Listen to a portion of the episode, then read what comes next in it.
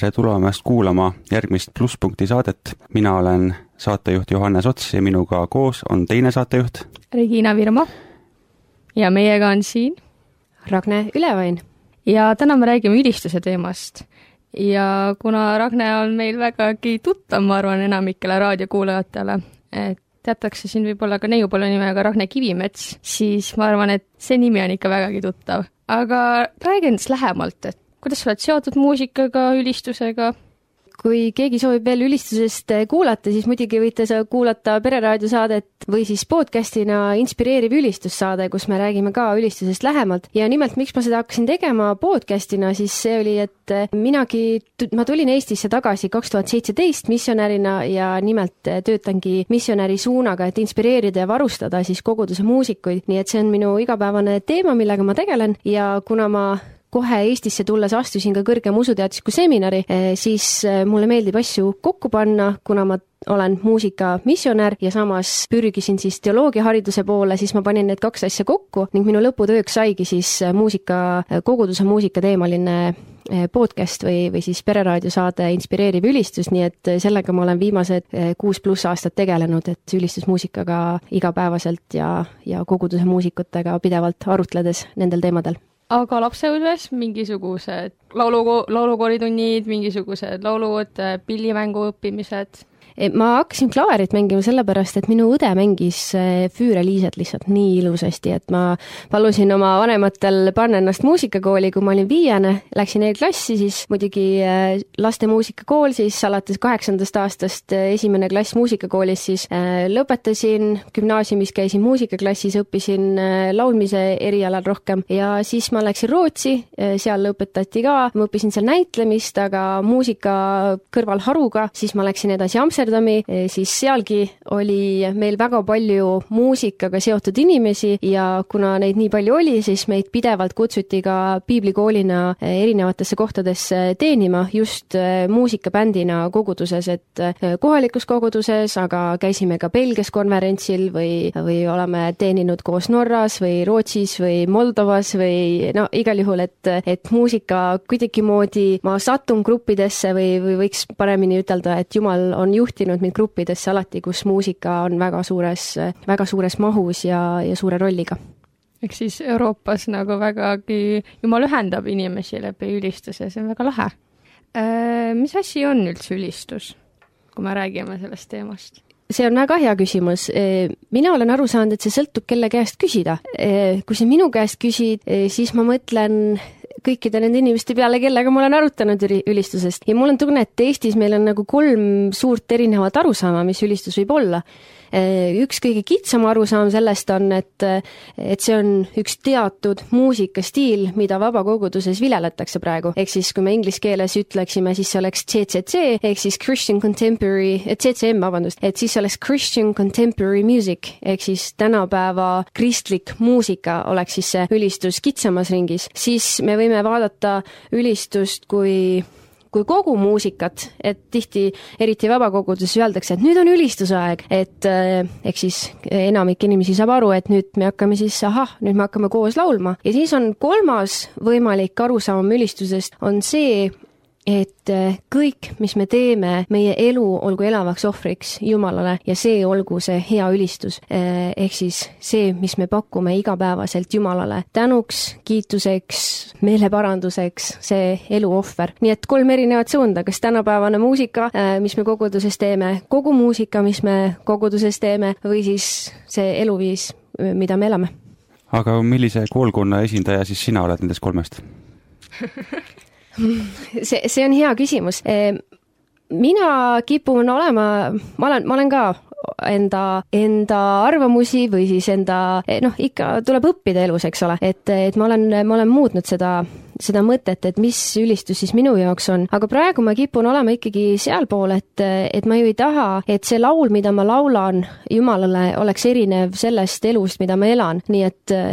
mina vaatan ülistust kui see, et see, kes ma olen, võiks olla elavaks ohvriks Jumalale. et kui me vaatame tegelikult piiblisse, siis ega, ega piiblis ei ole sellist sõna nagu ülistus, noh, teame, et piibel on kirjutatud ka heebrea või aramea või kreeka keeles, et sellist sõna nagu ülistus ei ole. mida me Eestis teeme, on, et me tihti tõlgime sõna worship ülistuseks. Ja worship tuleb hoopis anglosaksi sõnast, mille, mis on siis algsõna anglosaksis on veartoskop. Ja mida see tähendab, on, et andma au või üles tõstma või et kõrgeks, kõrgeks tõstma kedagi teist, et andma väärt, andma väärtust kellelegi. ja kui me mõtleme ülistuse peale, siis kuidas me saame anda väärtust kellelegi? teda üles tõstes, teda, kui me läheme kellegi sünnipäevale, on see, et me ei pea talle laulma otseselt laule, on ju, et aga kui me temast räägime, me võime juba teda üles tõsta, et ja ülistus minu jaoks on ka see, et, et kas me tõstame Jumalat kõrgeks nende asjadega, pole vahet, millise stiiliga me seda teeme muusikas, aga on suur vahe, et et eh, kas me ülistame teda ka oma mõtetes, kas oma südames või sellepärast, et koguduses on nüüd see aeg laulda, et nüüd laulame neid sõnu mul on väga hea meel, et sa ütlesid selle worship'i sõna ära, sest et mul on ka siin äh, välja mõeldud äh, küsimustena, et on äh, inglise keeles sõnad praise ja worship. Eesti keeles me lihtsalt ütleme, no ülistan, okei okay,, ma võin kiita ka Jumalat, aga pigem siis see praise on kiitma, olema tänulik, worship, no sa kummardad ja teenid Jumalat. mõnes mõttes nad on sünonüümid, aga mõnes mõttes nad ei ole, sest nad ei tähenda samat asja, kuigi mõnes mõttes eesti keeles me saaks seda tõlkida küll samamoodi ja tihti seda tehakse ka et ma arvan, et see ei ole alati hea, kui me seda niimoodi võtame, kui inglise keeles tõlkida. et siis tuleks nagu aru saada, mis selle tagamaa on Eh, jah, eh, praise, praise, kui me ütleme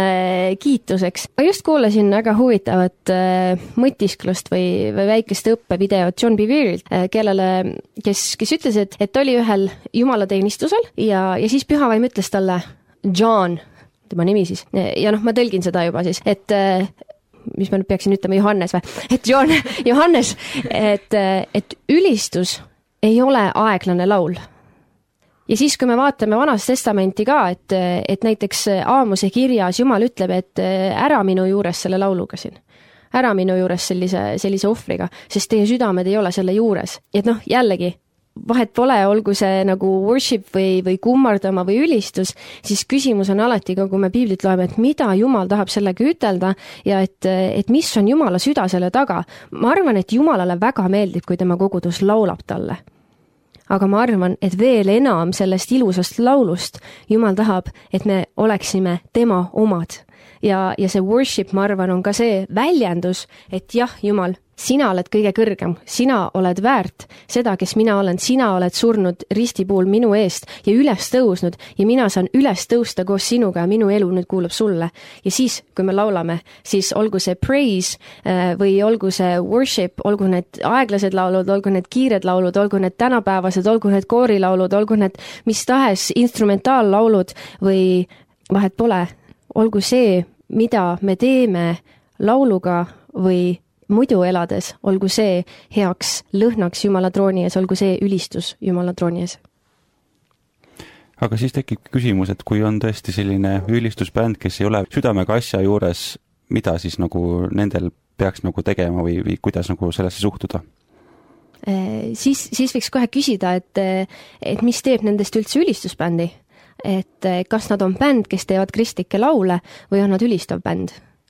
siis võiks jällegi küsida, et kus koguduses nad tulevad ja mis õpetus seal on. Eh, kui me, kui me vaatame ja arutame nagu Eestis ka, et kuidas siis ehitada ühte, ühte ülistusbändi, eh, siis ongi nagu suur küsimus, et tegelikult kogudustes ju lauldakse hästi palju. olgem ausad, vahet pole, mis kogudus on, aga me laulame igal pool. ja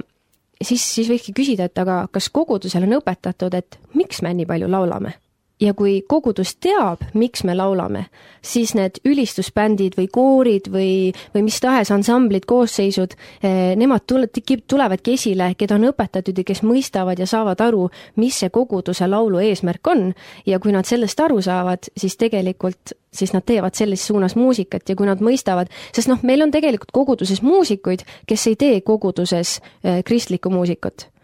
ja meil on koguduses inimesi, kes muidu väljaspool mingeid kontserte ei tee, aga teevad ainult koguduses. seega see on ka nagu sellise kutsumuse küsimus ja väga suur äh, küsimus koguduse õpetuses. kas kogudus mõistab, miks me laulame?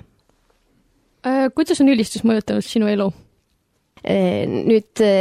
ma küsin nagu täpsustas, et kas siis ülistusmuusika või siis, või siis Jumala ülistamine? mõlemad. mõlemad um, jaa, eh, minu lugu ei ole selline, et ma teaksin öelda kuupäeva, millal, eh, millal minust sai kristlane. Eh, pigem Jumal on olnud minuga väga hell ja toonud mind endale lähemale selliste pisikeste sammudega, nii et ma ei oska ütelda, kas ma olen kristlaseks saanud kuueteistaastaselt, nelja-aastaselt või, või oli see kaheksateistaastane, aga ma tean, et see protsess on olnud üha aina sügavamale minev. nimelt minu õde tõi mind kogudusse lastetundi, kui ma olingi kuskil kolmene-neljane, hakkasin juba nagu natukene mõningaid sõnu rääkima ja siis see oli esimest korda, kui ma jumalast kuulsin ja ma arvan, et see on mind kandnud Jumala ülistamine toimus kõige esimesena jällegi, ma võib-olla jällegi ei saanud kõigest hästi aru, aga ma mäletan, ma olin käes kinni väike tüdruk õe kõrval, kes oli noh, kahekümnendate alguses ja et nemad laulsid Jumalast laule ja see oli minu esimene kokkupuude siis mu ülistusmuusikaga ja ma laulsin väga kirglikult kaasa. muidugi äh, see tuletabki meelde, et äh, me saame Jumalat ülistada selle eest, mida me teame temast kui, kui sa pead kedagi julgustama või kui sa pead kedagi kiitma, siis sa ju pead teadma, millest kinni võtta ja jumalasega samamoodi. et mida rohkem ma selles protsessis, selles loos kristlaseks saamiseni või, ja, ja sealt edasi, et äh, ma teda tundma sain, seda rohkem ma oskasin äh, teda kiita millegi eest, mida me teeme ülistus on väga palju mind muutnud. Eh, kui ma olin, ma rääkisin korra juba, mainisin, et ma olin Rootsis, pärast keskkooli ma siis sain sinna stipendiumi, läksin näitlemist õppima, kogudust seal ei olnud ja, ja ma arvan, et see oli üks minu kõige vormivamaid aastaid, mis äh, vormis mind äh, ülistajana. ma olin juba kuueteistaastaselt enne seda paar aastat saanud ülistusjuhiks enda koguduses, aga, aga see, kui ma pidin iseennast palju rohkem ülistust, ülistusse juhtima, siis muusika, muusika läbi, ähm, see oli hoopis teistsugune kogemus, kui mul ei olnud mitte üldse kogudust ümber. sest siis oli see minu valik et, et millal, kui palju ja kas ja kuidas ma Jumalat ülistan, siis see, kuidas ma klaverit hakkasin mängima, ma arvan, et see muutus juba see, kuidas ma laulma hakkasin ja kuidas ma äh, lauludest aru sain, see ka juba muutus. ja, ja ma arvan, et kuna ma olin Rootsis, siis mul oli mõte, et ma tulen Eestisse tagasi ja ma lähengi äh, näitlemist õppima. aga selle ülistamise aasta kõrval, meil oli, me elasime kuskil keset kolgast, äh, oligi no üks küla, kus meil oli see kool, kus ma õppisin seal, nagu ma ütlesin, et ei olnud kirikut, ei olnud, ei olnud poodi ka lähedal, mitte midagi. seega kogu see vaba aeg praktiliselt ma veetsin aega ühes tiibklaveriga ruumis ja minu põhiline aeg oligi seal Jumalaga rääkides, Jumalaga, Jumalalee muusikat tehes, on ju. et äh, ma nimetan seda siis sellepärast oma ülistavaks aastaks ja, ja selle aasta lõpus, kui ma pidin otsustama või noh, ma tegelikult olin juba ära saatnud oma, oma avaldused näitlemiskoolidesse ja nad juba olid kutsunud, oi kui tore ja muidugi tule, et aga, aga siis äh, nende sama palvete ajal äh, ma sain aru, et ma tegelikult ei taha minna õppima näitlejaks, õppida kedagi, keda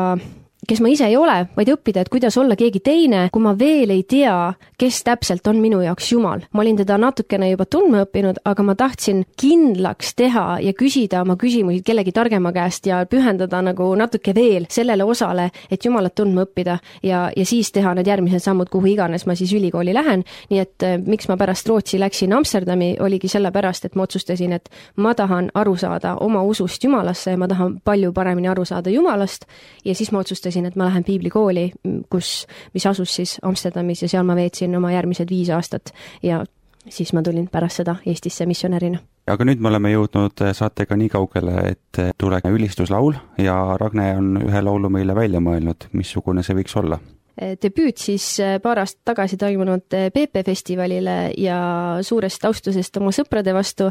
kelleks on siis Pühamüristuse bänd ja laseks laulu päriselt. aga kuulame siis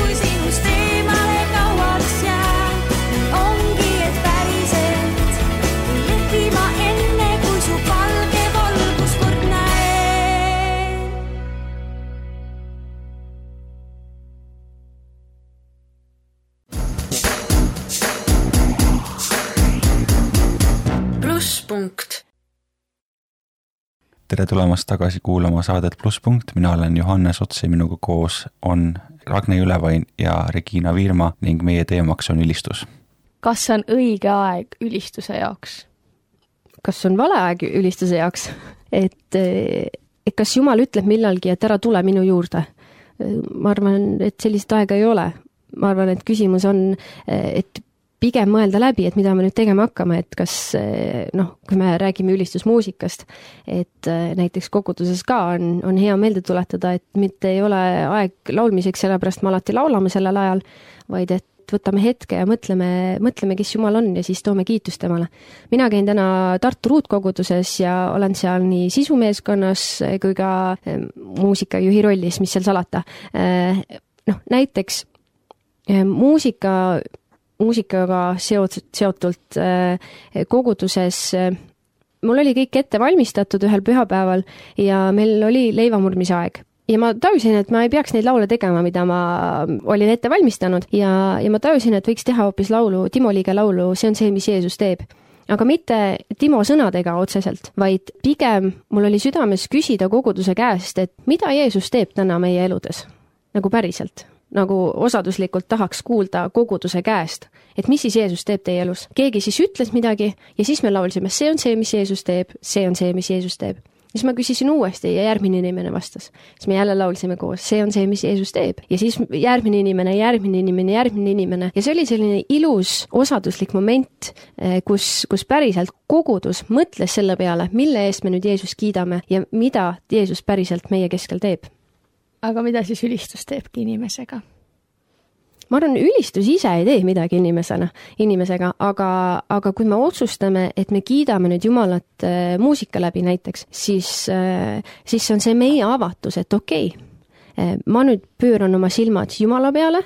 ja samamoodi kuulan kogudust, kes samamoodi eh, julgu-, see on ju nii suur julgustus, kui keegi sinuga koos laulab ja kiidab Jumalat eh, läbi muusika, sest sa kuuled, et ma ei ole üksinda selles, vaid me terve kogudusena oleme Jumala ees ja see on nii, see on nii äge, äge, äge tunne ja teadmine, et eh, me kogudusena oleme koos Jumala ees praegu. ja, ja mis, mis see, mis see ülistamine muusika läbi siis teeb, ongi, ma arvan, see avatus esmalt ja, ja siis on küsimus väga palju selles juhtimises ja nendes lauludes, mida valitakse, et et millest me siis sellel ajal mõtleme, sest need laulusõnad eh, ilmselgelt juhivad meie meiegi palvet, sest see on ju nagu ühine palveaeg, mida me täpselt samas rütmis, täpselt sama meloodiaga samal ajal Jumalale ütleme. võib-olla, võib-olla vahel pühavaim ütleb midagi inimestele, võib-olla inimene tajub ära nende, selle muusika ajal, sest ta on avatud Jumalale, kogudusele, võib-olla tajub ära, et on aeg meeleparanduseks, ma olen kuulnud, et ja näinud, et inimesed on saanud terveks sellel ajal just mitte ülistusmuusika pärast, vaid sellepärast, et inimesed on avatud Jumalale, pühavaimule, mõistavad paremini Jeesuse, Jeesuse lunastustööd äh, ja nii edasi, nii et see, see avatus ja Jumala töö läbi muusika aga mis mõtted sul siis koguduses ülistamise ajal peast läbi käivad, kas see on see, et kõik on nii võimas, kõik on nii lahe, suur tänu Jumal või on seal mingisuguseid muid mõtteid ka? väga hea küsimus. Ma arvan, et see on see küsimus, mida me võiks koguduses igaüks endalt küsida, et mille peale ma siis mõtlen. Ja ülistusjuhtidega arutades ja, ja koolitustele õpetades siis ka on see mida me ülistusjuhtidele ütleme, et me peame mõistma, et kui inimene kogudusse tuleb, noh, tavaliselt pühapäev ja hommikuti, et siis tal on võib-olla autos olnud väike jagelemine oma lastega, kes ei tahtnud oma jalanõusid jalga panna või, või kogudus või kogudusse jõudes mõtleb, et kas ma jätsin nüüd triikrao sisse või, või pliidi sisse või et, et nüüd on küsimus, et kuidas me koguduses aitame inimesi kogu selle terve teenistuse ajal, aga eriti alguses, et aidata nende mõtteid suunata selle peale, mida, mida Jumal teeb ja et me oleme siia tulnud teda teenima ja kogudust üles ehitama. meie kõik, kõigil on see roll ju tegelikult. et ja siis sõltub nendest lauludest, siis sõltub nendest palvetest ja samamoodi nagu ähm, noh, ülistusjuhtidele alguses ütleme, et need esimesed paar lauset on väga olulised, mis me ütleme. et tere hommikust ja, ja mis, mis selle järgneb, et me kutsume teid kõiki endaga koos eh, Jumalale, pöörama oma pilgud Jumala peale, sest tema on hea ja meil ruutkoguduses me aeg-ajalt ütleme, et eh, kuulge, et et pöörake nüüd korra naabri poole ja ütelge mingi hea asi, mida, mida jumal tegi sinu elus sellel, sellel, sellel nädalal või sellel eluperioodil on teinud ja, ja siis, kui inimesed on ise juba läbi mõtestanud enda jaoks, et ahah, et keegi teine ei söödagi mulle ette kõike, mida jumal teeb, et vaid ma noh, et minu isiklikkus ka ahah, okei okay., et ja siis, siis on hea aeg minna edasi äh, jumalale, aga jumalale laulmisele, laulmise juurde ja, ja, ja muude asjade juurde, mis jumala teenistusel käib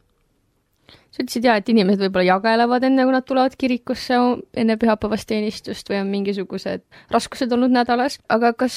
inimene saab üldse Jumalat ülistada, kui ta on patune, kui ta on pattu teinud ja andeks mitte palunud, et kui ta tuleb pühapäeval kirikusse, et kas see ülistamine on siis võimalik? mul, mulle tuleb meelde üks äh, tähendamissõna, mis Jeesus rääkis, et et äh, parafraseerin, aga kaks meest tulid äh, Jumala, Jumala ette. üks nendest oli, et oh, Jumal, nii hea, et, et ma, mul, mul läheb nii hästi ja sina oled hea ja et õnnista mind ja thanks, et ma olen parem inimene kui see, kes mu kõrval on. ja see, kes tema kõrval oli, et oi Jumal, ma olen nii patune, anna mulle andeks, see oligi tema kiitus. et äh, ma arvan, et hea on mõista seda, milline on olnud meie nädal või kuu või, või periood ja olla aus Jumala ees ja kui me oleme ausad Jumala ees, siis see on palju parem ülistamise viis, kui, kui tulla, teha rõõmsat nägu ja, ja arvata, et ma olen nüüd kõige parem inimene ruumis. kas on ka mingeid muid viise Jumala ülistamiseks peale pilli mängimise, peale laulmise, sest ma arvan, et enamik äh, on siin võib-olla muusikalistandidega, aga mina näiteks ei ole. isiklikult võin öelda, et äh, ma olen saanud mingit muusikalist haridust, aga no ma ei laula väga hästi ja pilli ka ei mängi. Nii et ma arvan, et on veel kuulajaid, kes äh, ei ole niivõrd andekad muusikaalal, et kuidas nad saaksid Jumalat ülistada see on väga huvitav ja aitäh sulle selle küsimuse eest, sest just viimased päevad me oleme abikaasa Eduardiga väga palju arutanud äh, andide teemal ja, ja sellest, et Jumal on väga lahke Jumal ja Jumal jagab ande oma lastele ka samuti lahkelt, sest ta on hea isa. mida me näeme piiblist ka, et mida Jumal soovib, on see, et lapsed oma ande kasutaksid. kui kellelegi pole antud lauluandi, siis ilmselgelt pole, pole Jumal ütelnud, et nüüd hakka koguduses ka teenima lauluga.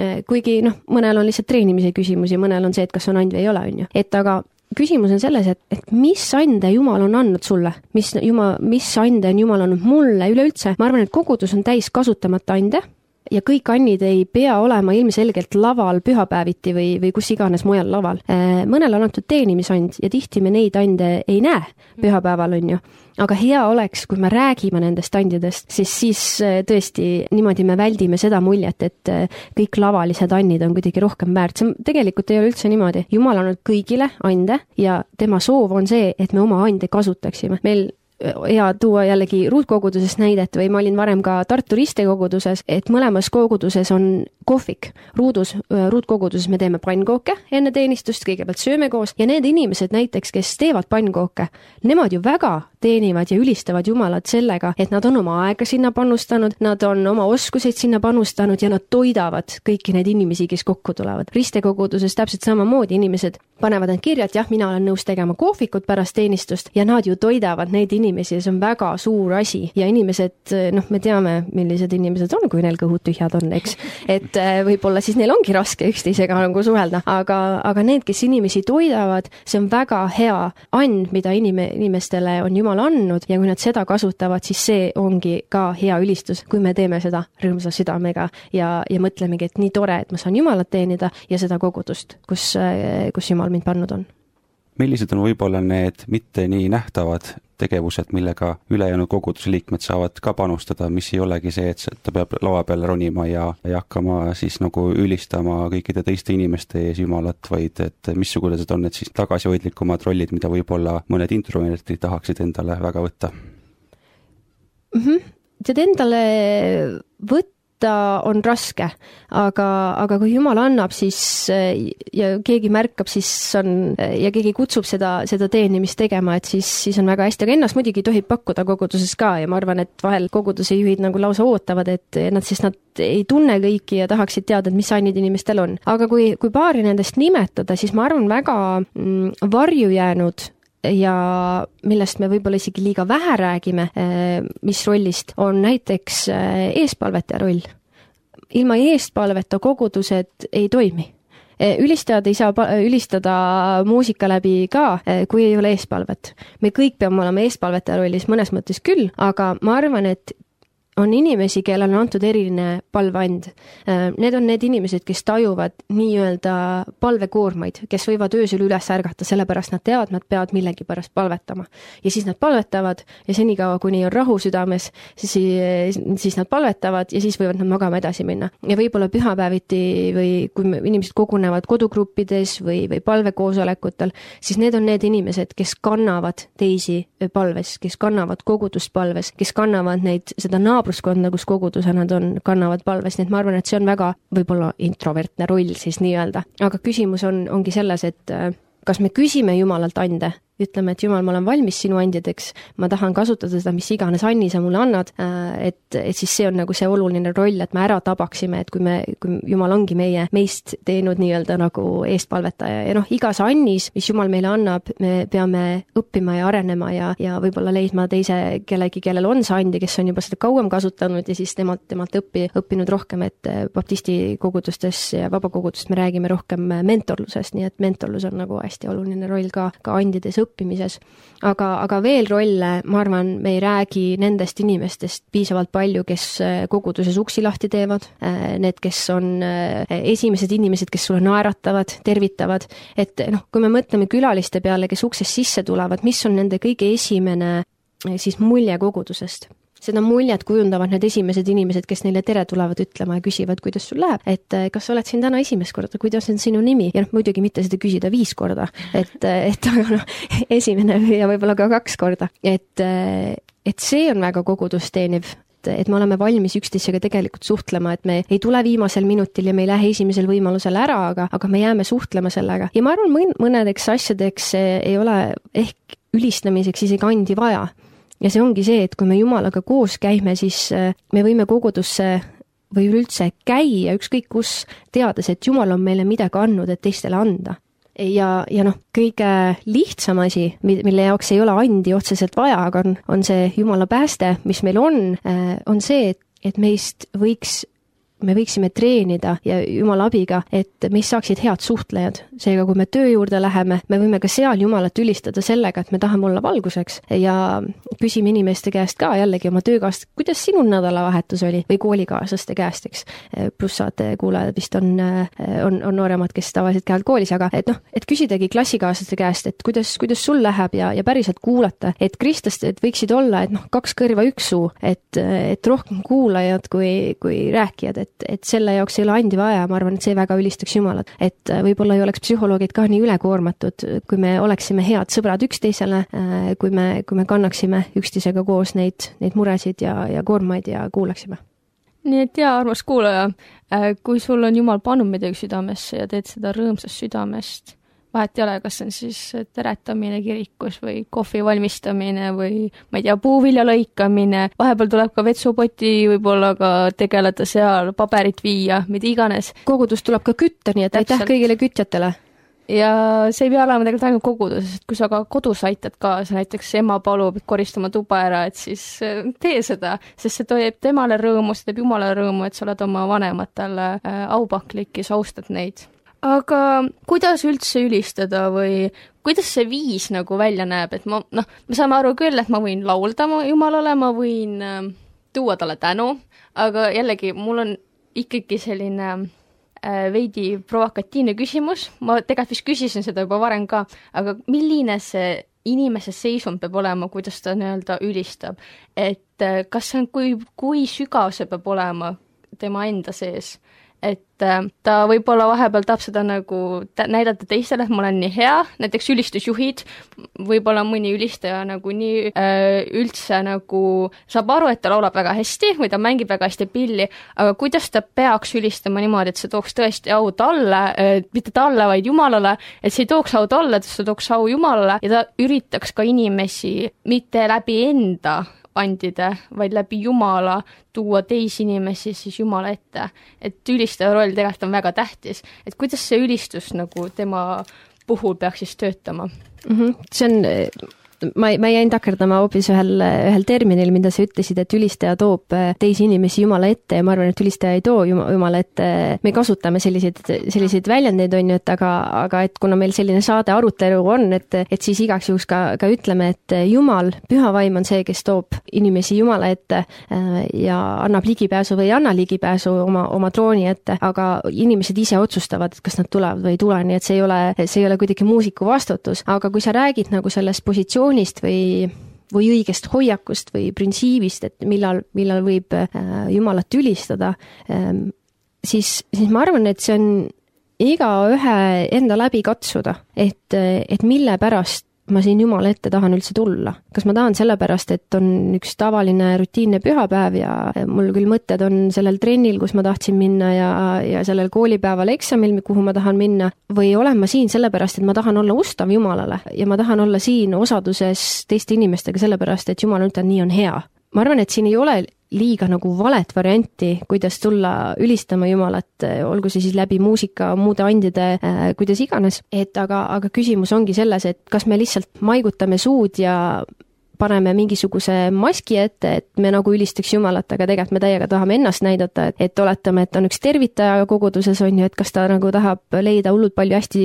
hästi palju nagu sõpru ja näidata, et tema on hästi vinge mees või, või naine või mis iganes, või, või ta tahab, et inimesed ennast koguduses hästi tunneksid, sellepärast et Jumal tahab, et nad ennast seal turvaliselt tunneksid ja kohtuksid temaga, eks. et siin on nagu hästi palju seda südamehoiaku küsimust ja mõttemalli küsimust, eh, mida, mida iga inimene peab endalt ise küsima ja võib-olla väliselt tundub, et inimene ülistab, aga me kunagi ise, me, me ei näe teise inimese südamesse ja Jumal näeb seda, et oluline on mõista, et me ei saa teeselda Jumala ees, me võime teeselda inimeste ees, aga, aga Jumal näeb meid ja teab meid. Jumal teab, milline on see hea lõhn, mis tema trooni ette tuleb, eks ole, see hea suitsuviiruki lõhn näiteks. või, või ta teab ka, milline, milline on see, mis ta sealsamas Aamose kirja läbi ütleb, et ära minu juurest sellise, selline lõhn ei sobi kas koguduses need nii-öelda poseerijad on eh, kergesti äratuntavad või kuidas siis nagu mõistetakse neid inimesi, kes selliseid teguviise harrastavad? alati ei ole tunda ja alati me ei tunne ära. kui me ausad omavahel oleme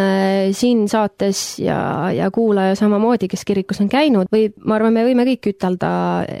et ühel või teisel hetkel oleme käinud koguduses ja ennast rohkem proovinud näidata kui, eh, kui Jumalat või kui me kogudusest välja läheme, et eh, kellele me siis elame, kas Jumalale või me elame enda au paisteks, eks, et kas me oleme tegelikult need Paabeli torni ehitajad või, eh, või Jumala templi teenrid. et, et noh, ja kas alati oli näha? Ei olnud. minu käest üks ülistaja äh, küsis, meil oli üks tore, aeg-ajalt saan erinevate ülistajatega kokku, toredad ajad, ja siis äh, üks ülistaja küsis mu käest ausalt, et miks keegi ei teadnud, et ma eile õhtul tegelikult olin nagu noh, tegin asju, mida ma ei oleks pidanud tegema, et aga, aga pühapäeval ma siin võisin isegi ülistada ja teisi ülistusse juhtida, et, et miks, miks nii on, et keegi ära ei tunne. ja noh, ma arvan, et see on ka nagu see, et, et eh, kui tugevad me oleme koguduses eestpalves, kui palju noh, inglise keeles on väga hea sõna selleks, et äh, koguduses peab olema accountability ehk siis nagu nii-öelda nagu hea vastutus üksteise eest, et kus me küsimegi, et aga kuidas sa päriselt nagu neid asju teed, et sellepärast meil on koguduses kodugrupid, kus me räägime, et kuidas Jumalat teenida ja, ja saame rääkida, et kuule, mul on nagu keerukas nagu selle koha peal Jumalat teenida, et siin mul on nagu hirm on suurem kui, kui mu usk Jumalasse või noh, kuidagi niimoodi, või meil on DNA grupid, meil on piiblitunnid, meil on palveõhtud, kõik selle jaoks tegelikult, et luua neid keskkondi, kus me, kus meil on nagu see hea vastutus üksteise ees, kus me oleme ausad ja ütleme, et siin on mul raske, siin on mul hästi, siin ma saan toetada teisi inimesi, siin ma pean veel ise õppima. et kui me loome selliseid keskkondi, kui need on nii tõeliselt ausad, siis ma arvan, et siis me ei taha niivõrd enam teeselda kuidagipidi, vaid siis me võimegi üksteist nii-öelda heas mõttes üles ehitada ja toetada, et me, et me võiksime olla need, need head ülistajad eh, nende andjadega, mis Jumal meile andnud on.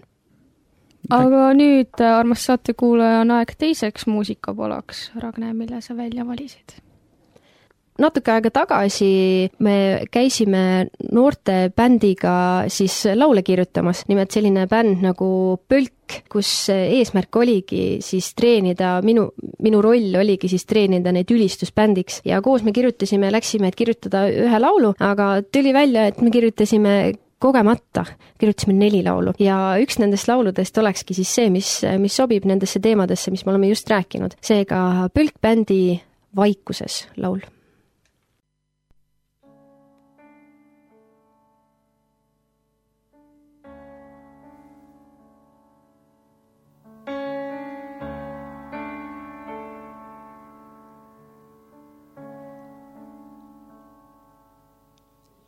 igas pisemaski helis on kuulda sinu hingamist. vaikses õrnas tuuleiilis kuulen sinu juhatust. nii kui tormid mu sees sa vaigistad. märkan, kuidas kogu loodus sind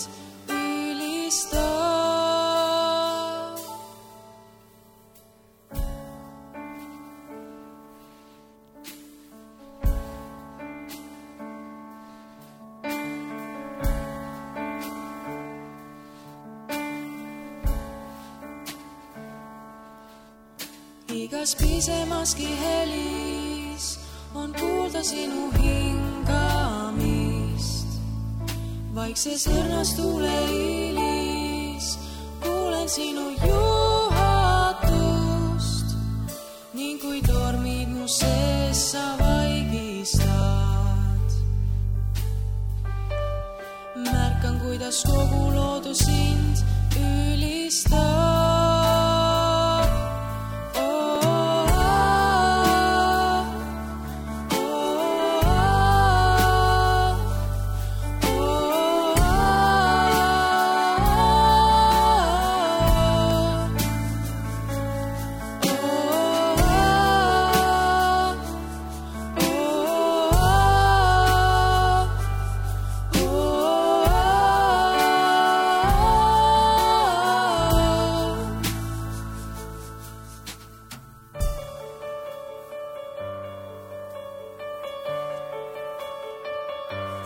nüüd koos laintega sul tantsin,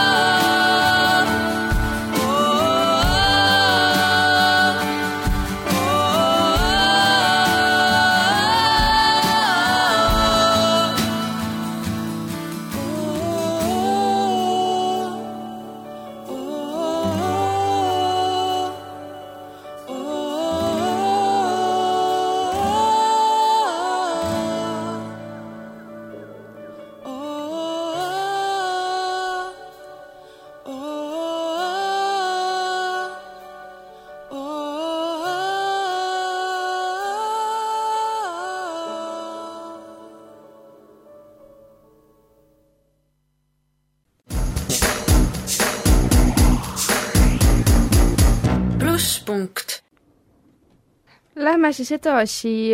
kas teisi inimesi saab ülistada, kas see on õige ja mis määral?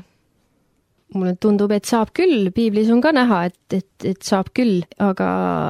jumal on andnud selge juhise juba, juba Vana-testamendi aegadel Iisraeli rahvale, et on ainult üks Jumal ja on ainult üks, keda tohib ülistada, sest kui Jumal meid lõi, mina usun, et ja noh, tegelikult piibel õpetab ka, et, et see põhimõtteliselt on meie DNA-s, et, et me mõistame, et meist on keegi suurem ja, ja me oleme loodud ülistama. nüüd ongi küsimus, et, et keda me ülistame. me võime tegelikult ülistada ka autosid või oma hobisid või, või teisi inimesi või, või noh, mida iganes praktiliselt aga küsimus on, et kelle või mille ülistamisest on meil kasu, et see on seesama teema, et, et savivoolija on, on savist midagi teinud ja ta teab, mis selle savi eesmärk on ja mida, mida see savi vajab, eks ole, et ta ei mõraneks ja et ta täidaks oma eesmärki kõike, et kui Jumal on meie savivoolija ja, ja meie oleme savi, siis kelle ülistamisest ja kelle lähedusest on meil kõige rohkem kasu, eks. Jumalast ja sellepärast me oleme kutsutud ka Jumalat teenima, sest Jumal ise igatseb seda, see on nii äge minu arvates, kuidas Jumal on andnud noh, näidanud meile ka, et tal on erinevad rollid meile. Jeesus on meie päästja, aga, aga ta on tegelikult ka kuningas ja mida see tähendab, valitseja, samas meil on, meil on võrdluspildid Hoosea raamatust, kuidas Jeesus on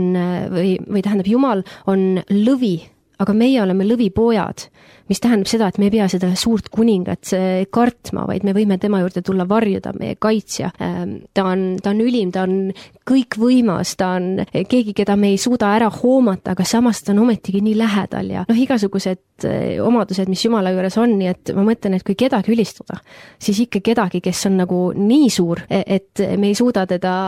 ära seletada ja meil on alati temalt midagi õppida ja tema juurde tulla on alati põhjust ja nii et äh, saab kõike ülistada.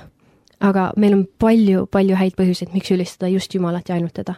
no väga paljudel noortel on kindlasti omad iidolid, kas mingisugused jalgpallurid või popstaarid või näitlejad, kes neile väga meeldivad, mida siis nad peaksid nagu mõtlema selle puhul, et kas nad peaksid olema ettevaatlikud või, või kas peaks üldse siis jätma kellegi ülistamise või idoliseerimise kõrvale? No ma arvan, et üks asi on olla fänn ja teine asi on leida endale iidolid. Äh, fänn on see, kes jälgib, vaatab ajalehes, kuidas tema nagu see, olgu ta siis jalgpallur näiteks, et kuidas tema jalgpalluri tulemused on, et mitu skoori ta on löönud või, või on äkki väravavast mitu, mitu ära päästnud, mitu väravat, on ju, et see on nagu fänn, jälgida ja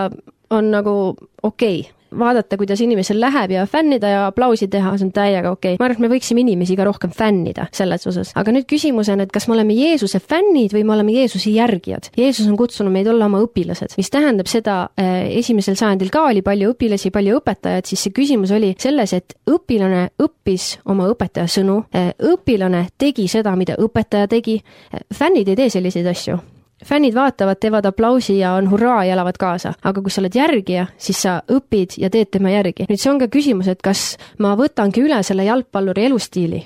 Kas ma hakkan rääkima nagu tema? Ja siis on ka nagu, mida me võime küsida, on see, et kas see, kuidas ta räägib, see, kuidas ta eluviis on, kas see on tegelikult väärt jälgimist või järgimist, et kas, kuhu, et kui ma kaua aega, näiteks kümme aastat järgin eh, kedagi, keda ma ka fännan kuhu see mind viib ja kus on minu elu kümne aasta pärast. samamoodi, kui ma järgin Jeesust, siis kus on minu elu kümne aasta pärast, kahekümne aasta pärast, kus on minu igavik? Neid küsimusi tasub küsida, kui me otsustame, keda fännida või järgida. kui mõelda üldse ülistuse teema peale, siis noh, kui me räägime laulmisest, siis enamjaolt ju laulavad, no ütleme, viisteist pluss aastas inimesed no sellised, kes on kogenud, kellel on häält, kellel on annet, kes peavad viisi ja nii edasi, aga kas lapsed saavad ka Jumalat ülistada? sest lapsed on sellised siirad, Jeesus ütleb ka, et ärge keelake lapsi ja laske neil olla ja laske neil minu juurde tulla. kuidas lapsed saavad ülistada Jumalat, võib-olla siin mõnel kuulajal on väike õde-vend või väike sugulane, et kuidas nad saavad julgustada neid väikseid lapsi, eriti just praegusel ajastusel, et nad veel rohkem otsiksid Jumalat ja oleksid siirad? kes on nende väikeste laste eeskujud? Minu suur eeskuju oli minu vanem õde ja mina tema kõrval laulsin. ma ei pidanud selle jaoks ees laulma ja ma ei vajanud seda ka iseenda jaoks, aga ma tem-, temaga käest kinni hoides laulsin tema eeskujul, et koguduses näiteks, et kas me lapsed saadame ära, et nad meid ei segaks ja meil võiks olla üks hea aeg või vastupidi, me oleme suur perekond ja me koos laulame Jumalale ja lapsed näevad ka seda eeskuju. meil ruutkoguduses, me, meil on väike kogudus, meil on väga tore kogudus, meil on ka mõned lapsed seal et ja kui nad seal aeg-ajalt koos meiega plaksutavad, meiega koos laulavad, kuigi nad ei oska neid sõnu otseselt ütelda ja, ja laulda ja võib-olla neid meloodiaid, aga nad on koos meiega ja nad, need on see, see eeskuju, mida nad saavad ja tegelikult nad teevad seda kõike siirast südamest. nüüd küsimus, et kas, kas lapsed saavad juhtida ülistust, siis see küsimusele ma vastaks ka, et, et kes neid õpetas et kui nad teavad, mis asi see on, sest keegi on neid õpetanud, siis absoluutselt. ma mäletan, et, et paar aastat tagasi ma juhtisin Tartus sellist asja nagu Tartu ühis, ühisülistusõhtu ja, ja üks nendest ühisülistusõhtutest me siis keskendusimegi siis nagu generatsioonide vahelisele eh, kooslaulmisele ja me bändi võtsimegi eh, keegi, kes oli vanaema, vanaisa keegi, kes oli nagu äh, juba täiskasvanu, noor täiskasvanu ja, ja siis ma mõtlesin, et aga meil peab siis laps ka olema. ja, ja ma teadsin, ma sain oma õepojalt äh, väikese videokaadri, kuidas BLL-is lapsed ülistasid. Ja seal ei olnud mitte kahtlustki, et nad olid siirad selles ja nad said aru, et, et kui nad laulsid Jeesus vali-, sina valitsed siin paigas. Ja, ja ma nägin, et minu õetütar oli, oli nende hulgas, ma ei mäleta, vana ta siis oli äkki kaheksa või, või üheksa või oli, et ja siis ma kaasasin teda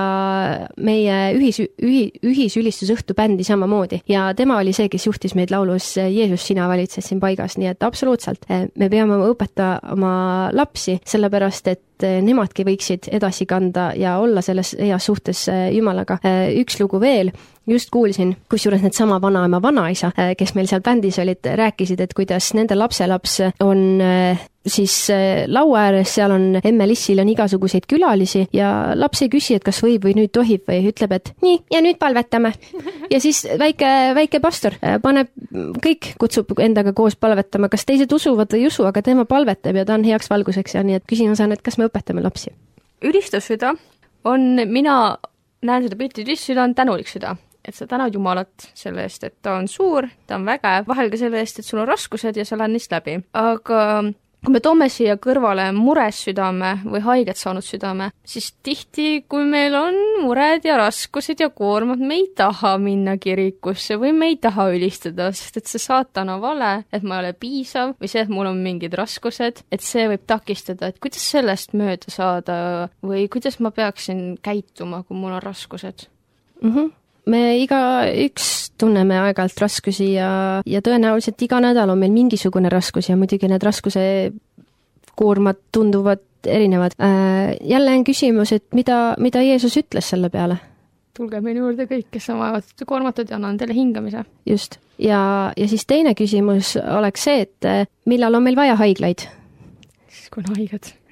Äh, millal on meil vaja kogudust? Kogudus on vaja inimestele, kes on katkised ja kes ei ole perfektsed, sest inimestel enam ei ole perfektsed. ja siis on küsimus, et äh, ja, ja võib-olla isegi üleskutse meile kogudusena, et, et meie kogudused oleksid sellised kohad ja me võiksime neid Jeesuse moodi ehitada, neid kogudusi koos, koos püha vaimuga, et, et need, kes on katkised, vaevatud, koormatud,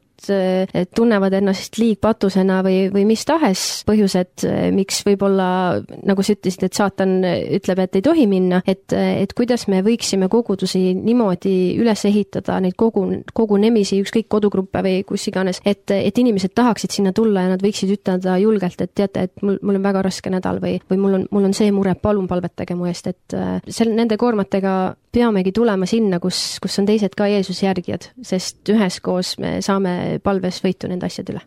nüüd on äh, aeg nii kaugele jõudnud, et äh, on aeg saadet kokku võtta. Äh, täna me siis rääkisime ülistusteemast, rääkisime sellest, miks on ülistus oluline koguduses, kuidas seda on võimalik teha, mida selle puhul silmas pidada ja kuidas me saame olla ise paremad inimesed selleks, et me saaksime Jumalat ülistada oma eludega. aitäh teile kõigile kuulamast seda saadet, aitäh, et te olete ikkagi toetanud plusspunkti saadet sellega, et igal korral panete selle jälle tööle ja olete valmis kuulama kuulama, mida siin õpetatakse. mina olen saatejuht Johannes Ots ja minuga on olnud siin saates Regina Virmo. ja meil on olnud ka siis kõige põhilisem rääkija ehk siis saatekülaline Ragne Ülevain. aitäh kuulamast ja järgmise korrani! Kuulmiseni! aga Ragnel, ütle siia lõppu, missugust laulu oleks hea lõpulauluks panna ikka on hea laulda Jumala sõna ja viimaseks kuulemegi psalm sada ja Juhan Ungru loomingus.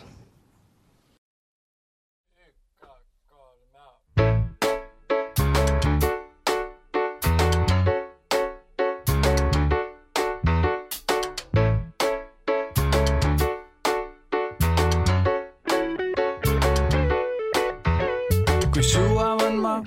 siis valima pean kas mures halada või hoopis tänada, kui suu avan ma, siis valima pean.